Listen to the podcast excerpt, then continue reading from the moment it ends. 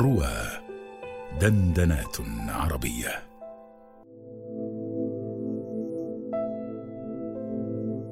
ألم تبطل نظرية تطور حكاية الدين عن آدم وحواء؟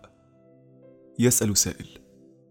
ألم تثبت نظرية التطور عدم وجود أصل إنساني مشترك. وبالتالي فإن وجود آدم كإنسان أول هو وهم ثبت نقضه. نقول تكلمنا فيما سبق عن نظرية التطور وأهميتها في علم البيولوجيا وعن طبيعة النظريات العلمية وأنها بحث في النظام السببي الذي نعتقد أن الله تعالى يجري الكون على أساسه. وبينا أن الكون وإن فهمنا كل ما فيه من علاقات وقوانين طبيعية هو ممكن الوجود في العقل ولا بد له من سبب ولا بد لسلسلة الأسباب أن تنتهي إلى واجب الوجود مسبب الأسباب. الذي تختلف حقيقته عن طبيعة الكون. وتناولنا بعض أهم الإشكالات الفلسفية التي وجهتها النظرية إلى بعض الأدلة على وجود الله. ثم ذكرنا المواقف المختلفة من قضية السببية العادية في المباحث البيولوجية التي تتناولها النظرية. وبينا موقفنا من هذا. وبينا الفرق بين الخلق الذي هو الإيجاد من عدم وبين فهم الأسباب الدنيوية. ثم ذكرنا بعض ما جرى في الغرب من الصراعات بين العلماء الملحدين وبين التخليقيين المسيحيين حول عمر الأرض وتطور الحيوانات وبينا كيف أن هذا لا يلزمنا كمسلمين وبينا ذلك بتفصيل. بقي أمر واحد أخير وهو التطور الإنساني وقصة سيدنا آدم عليه السلام. وقبل أن نحل هذا الإشكال الأخير بإذن الله وكلامنا هنا مبني على ما ذكرناه في المقالات السابقة فنرجو من القارئ الكريم أن يكون قد قرأها اولا. ما هو الإشكال؟ يعتقد البعض أن ثمة تعارضا بين نظرية التطور وبين القصة الدينية لخلق سيدنا آدم عليه السلام وهذا التعارض من جهتين. اولا أن القصة الدينية تقول إن البشر جميعا ينتسبون إلى آدم وحواء والنظرية تنفي اتحاد الأصل. ثانيا أن القصة الدينية تقول إن الله خلق سيدنا آدم خلقا مباشرا. والنظرية تقول بانحدار البشر جميعا من حيوانات أخرى سابقة. بعض طرق التعامل مع النظرية. سبق أن تكلمنا عن من رفض النظرية برمتها وناقشنا هذا الموقف وبينا أننا تابعون للمجتمع العلمي المتخصص الذي يكاد يجمع على التمسك بالنظرية التي تزداد الأدلة عليها كل يوم.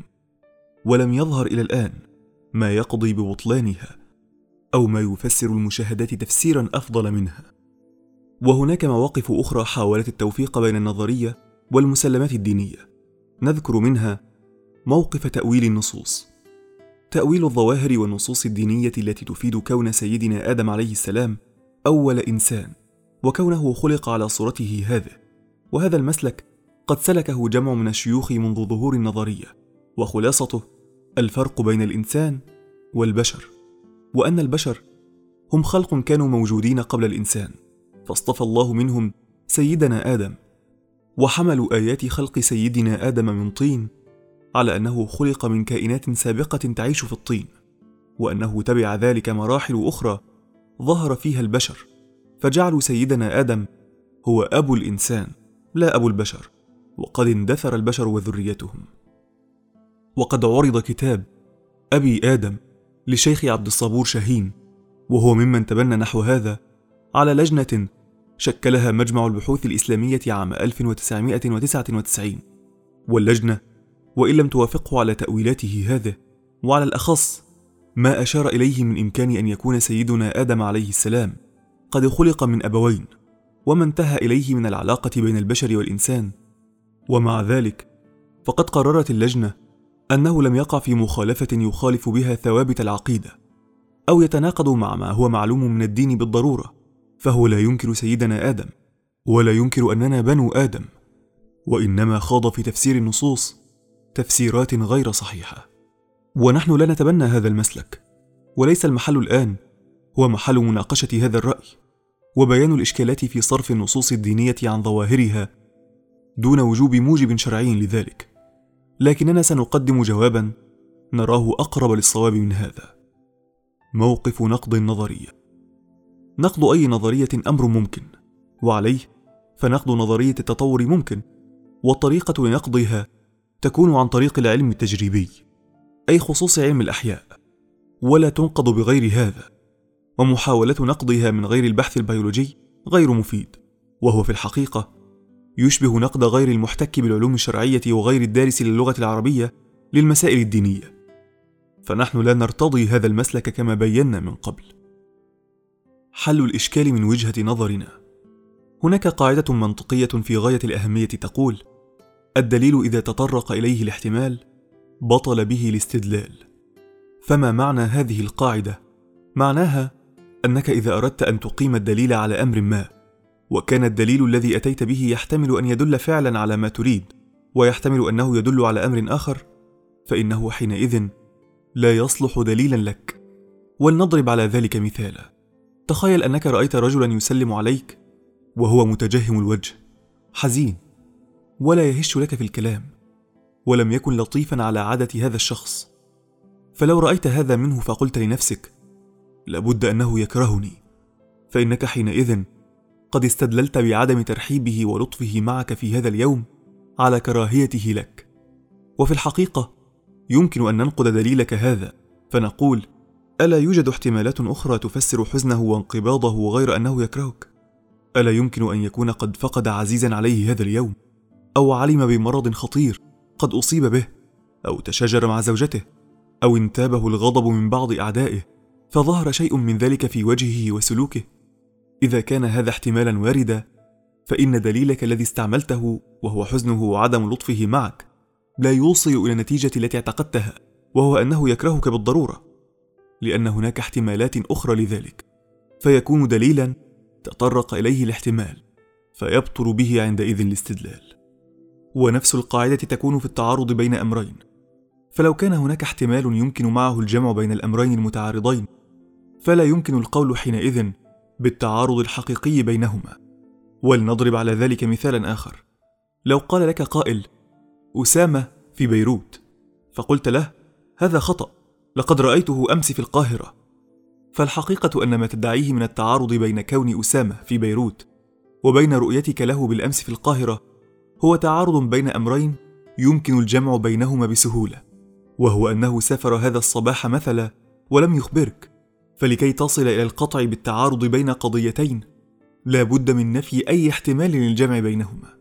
والحقيقة أن الجمع ممكن جدا بين قضية أن آدم خلق خلقا مباشرا كما يظهر من القصة الدينية وبين نظرية التطور التي تقول إن البشر انحدروا من كائنات أقل تعقيدا وأننا وجدنا حفريات كثيرة تبين الإنسان في مراحل أقل تطورا مما هو عليه الآن.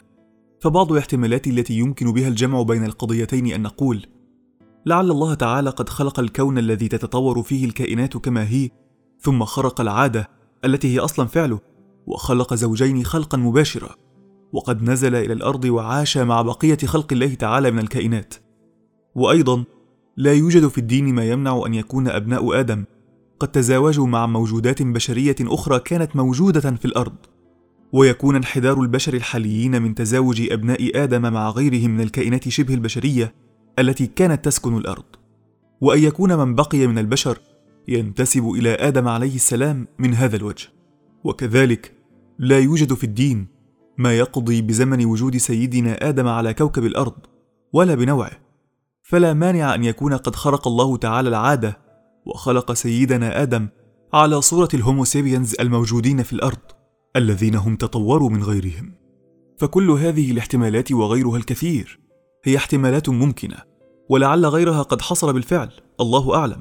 لكنها احتمالات تبين خطأ ادعاء التناقض بين كون الله تعالى قد خلق سيدنا آدم خلقا مباشرا وبين كون البشر قد تطوروا من كائنات أقل تعقيدا. ونحن لا نريد من كل ما ذكرناه القطع بأي من هذه الاحتمالات أو بغيرها. ولكننا نريد أن نقول ما دام هناك طريق للجمع بين الحقائق فيستحيل القول بالتناقض. ونحن قد بينا احتمالات كثيرة لا يرفضها دين الإسلام ولا ينفيها. ولا يوجد في النظرية ما يعارضها. يمكنها الجمع بين كون سيدنا آدم خلق خلقا مباشرا وأننا جميعا ننتسب إليه من جهة وبين ما بين أيدينا من دلائل على تطور البشر كسائر الحيوانات من كائنات أقل تعقيدا من جهة أخرى. الأصلية والفرعية. تكلمنا في حلقة سابقة على موقع حكاية خلق سيدنا آدم من الدين وموقع البشر من نظرية داروين وبينا أن كلا الأمرين فرعي فيهما. فحكاية خلق سيدنا آدم فرع من فروع الدين مبني على أصول ثابتة قطعية من صحة الدين ووجود الله تعالى. والبشر واحد من بلايين الكائنات الحية التي تتناولها النظرية.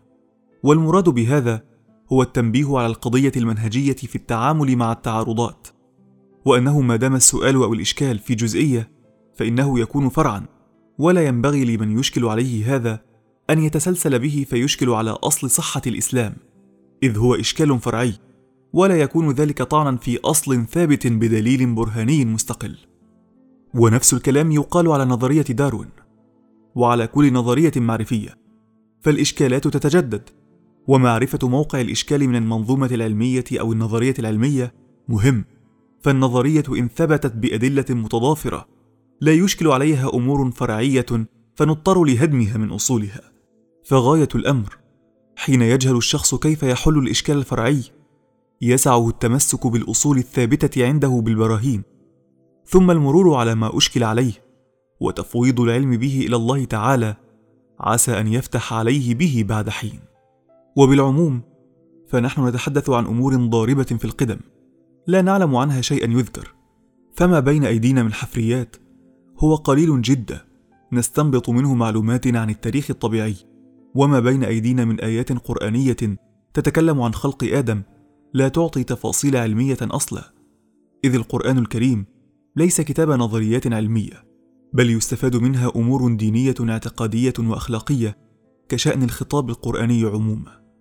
وبما ذكرناه وبما يأتي تفصيله يظهر أن ما ورد في القرآن الكريم من كون آدم ابا للبشر حتى لو فهمناه على ظاهره أن الله خلقه خلقا مباشرا وأن كل البشر الحاليين هم بنوه لا يعارض ايا من الدلائل الحفرية ولا المقررات العلمية الحالية ولا تقسيم البشر بحسب أصولهم البيولوجية ولا يمنع البحث في تطور البشر الحاليين. وسوف نبسط في السطور القادمة ما أجملناه من الجواب لمن أراد الاستزادة.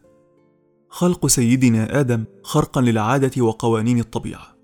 كما ذكرنا سابقا بإجمال ونذكر الآن بتفصيل أننا نرى أن حل هذا الإشكال أيسر بكثير مما يظهر للبعض لأن لا نرى تناقضا لا يبقى معه احتمال لأحد المتعارضين أصلا. فغاية الأمر أن نجيب قائلين لا يوجد ما يمنع أن الله تعالى خرق العادة التي هي أصلا فعله وأوجد سيدنا آدم بالذات بغير النظام السببي الذي أوجد به بقية الكائنات.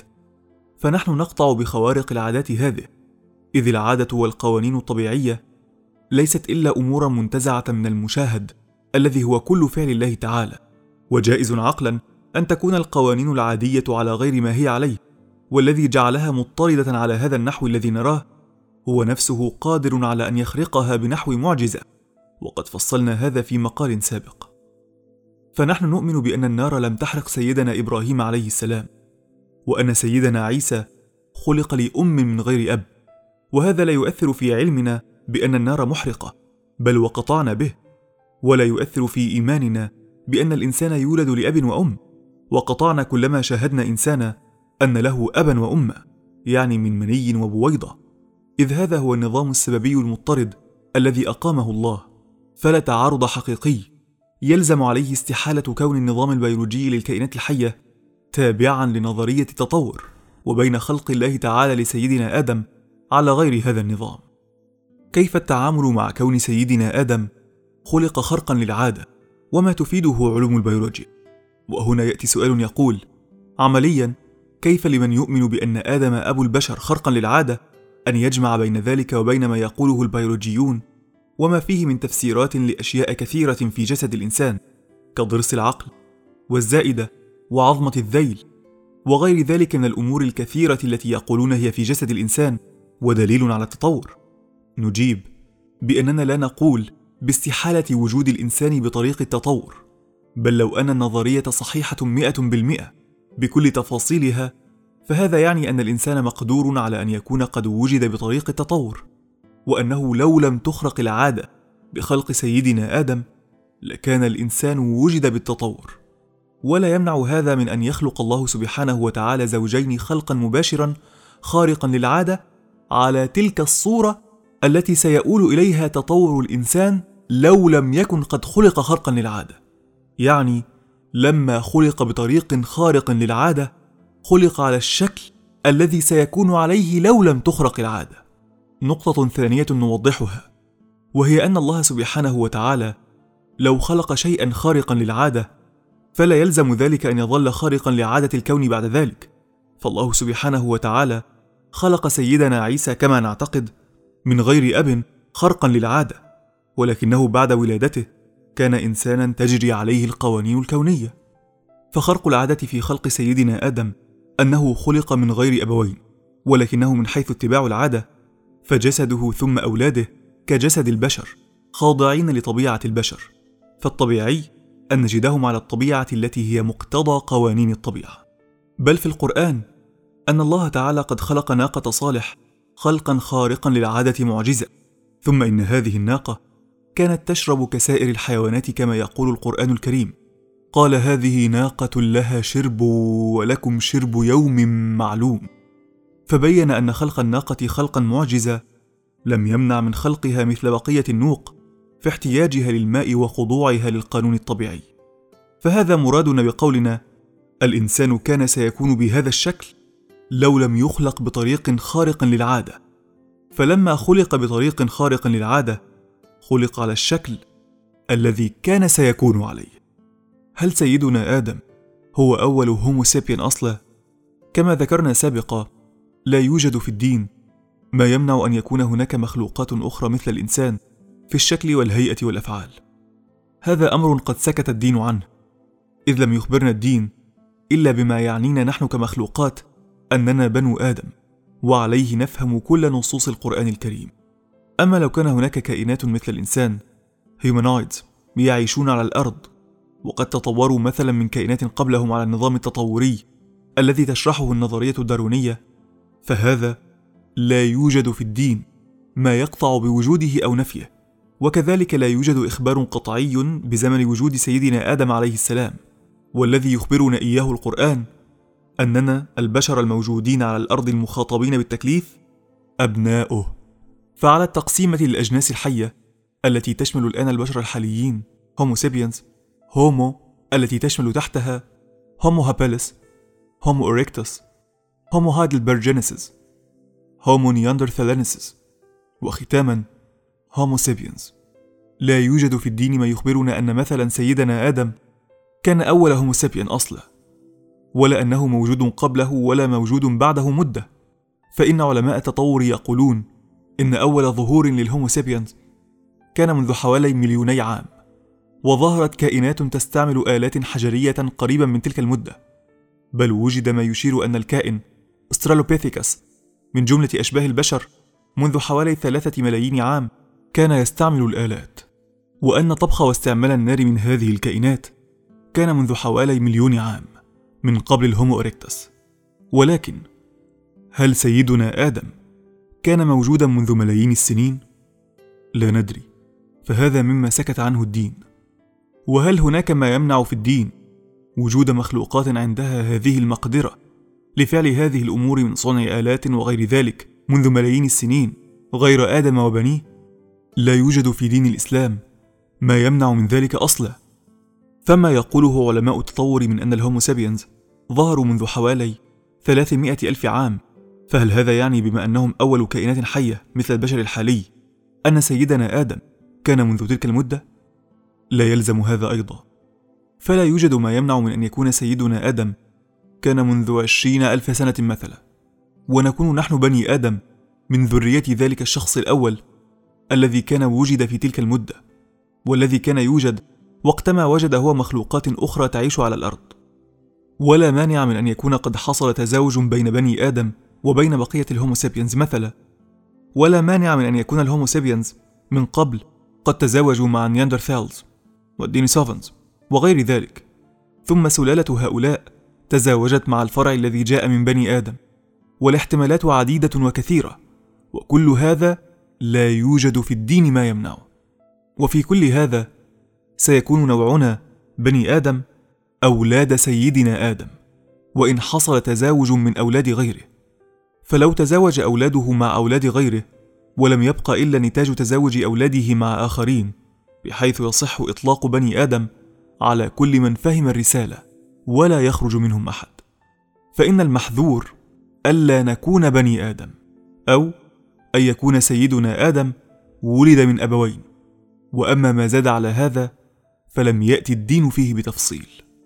وكذلك لا يوجد ما يمنع من أن يكون نياندرثالز كانت قادرة على فهم المسائل الغيبية مثلا فكانت تمارس طقوسا وشعائر دينية. ولا ندري هل الله تعالى كلفهم أم لا. وعلى كل فكل هذه المسائل نقول إنها خارجة عن القدر المقطوع به من الدين. ولا يوجد في الدين ما يمنع من البحث في كل هذه الأمور. وليس ما ذكرناه هنا تأويل للنصوص الدينية. وليس فيها مناقضة لنظرية التطور. بل كلها أمور ممكنة يصح معها الحكاية الدينية بكون آدم أبا للبشر والحكاية العلمية المستفادة من الحفريات التي بين أيدينا. فإننا نقول إن البشر وبني آدم وكل ما جاء ذكره في القرآن الكريم المراد به بنو آدم الذين نحن من ذريته. ولكننا نقول إن ذلك كله لا يمنع. وجود كائنات أخرى لم يأتي الدين بخبر لها. خاتمة. ولقد كرمنا بني آدم. قال تعالى الذي خلقك فسواك فعدلك. لما خلقت بيدي وصوركم فأحسن صوركم. لقد خلقنا الإنسان في أحسن تقويم.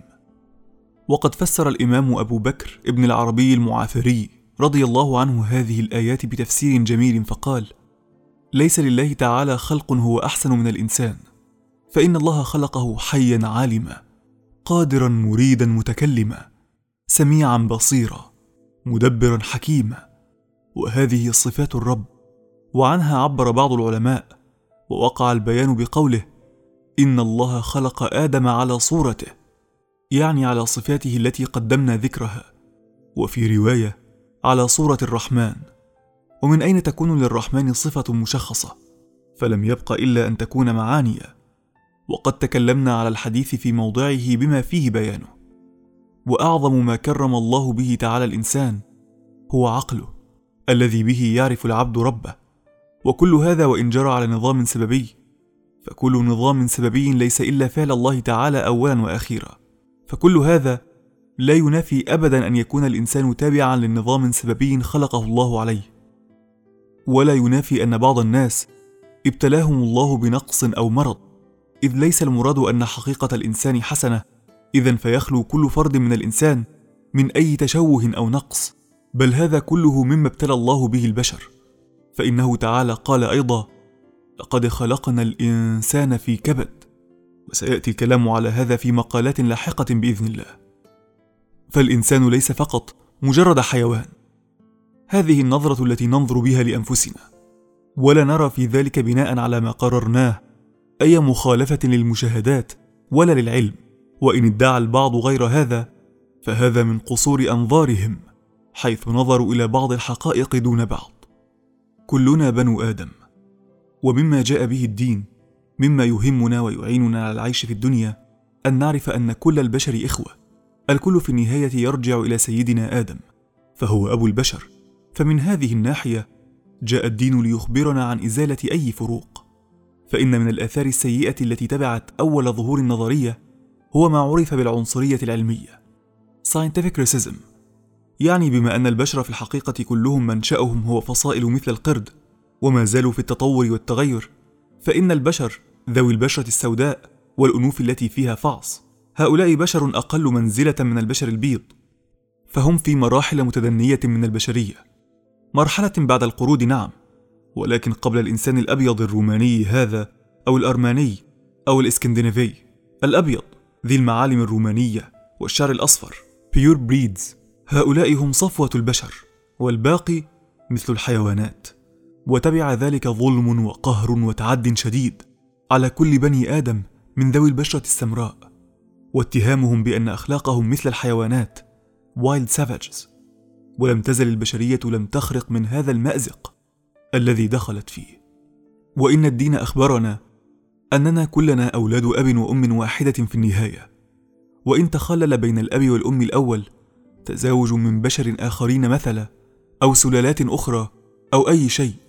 فكل هذا لا علاقة له بأننا كلنا نفس الجنس.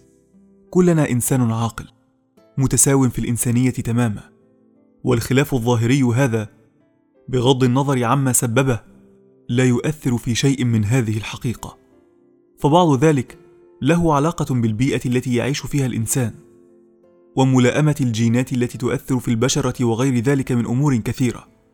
وليس غرضنا مناقشة هذا وإنما غرضنا بيان بعض المشكلات العظيمة التي أصابت البشرية من أخذ طرف من قصة من أين جئنا واكتفى بها. يا أيها الناس اتقوا ربكم الذي خلقكم من نفس واحدة وخلق منها زوجها وبث منهما رجالا كثيرا ونساء. تكلمنا في هذه الحلقة على طرق مختلفة في الجمع بين النظرية وما جاء به الدين عن طريق تأويل بعض النصوص الدينية وبينا أن هذا فيه خطأ ديني مع أنه لا يرفع الإشكال العلمي كذلك. ثم تكلمنا على أنه لا يوجد ما يمنع بل هو الظاهر من النصوص أن سيدنا آدم خلق خلقا غير سببي. وأن هذا لا يعني أننا نقول إنه يستحيل أن يحصل مثل سيدنا آدم بالنظر إلى قانون الأسباب. بل هذا ممكن. وأن النظرية لو صحيحة فسيكون سيدنا آدم قد خلق على الشكل الذي كان سيكون عليه لو كان وجد بسبب. ثم تكلمنا على أنه لا يوجد في الدين ما نعرف به هل سيدنا آدم هو أول هوموسيبيان أو هل قبل أو بعد ذلك ولا أنه هل كان قبل الهوموسيبيان غير بني آدم وهل كان عندهم عقل وكانوا مكلفين أو لا. إلى غير ذلك من المباحث التي سكت عنها الدين ولا مانع أن يكون قد حصل تزاوج بين أبناء سيدنا آدم وغيره ونكون نحن ذرية هؤلاء. فيصدق علينا أننا بنو آدم. وأن الله تعالى خلق الإنسان في أحسن تقويم عالما قادرا مريدا وأننا كلنا إخوة إذ إننا بني آدم أولاد لنفس الأبوين.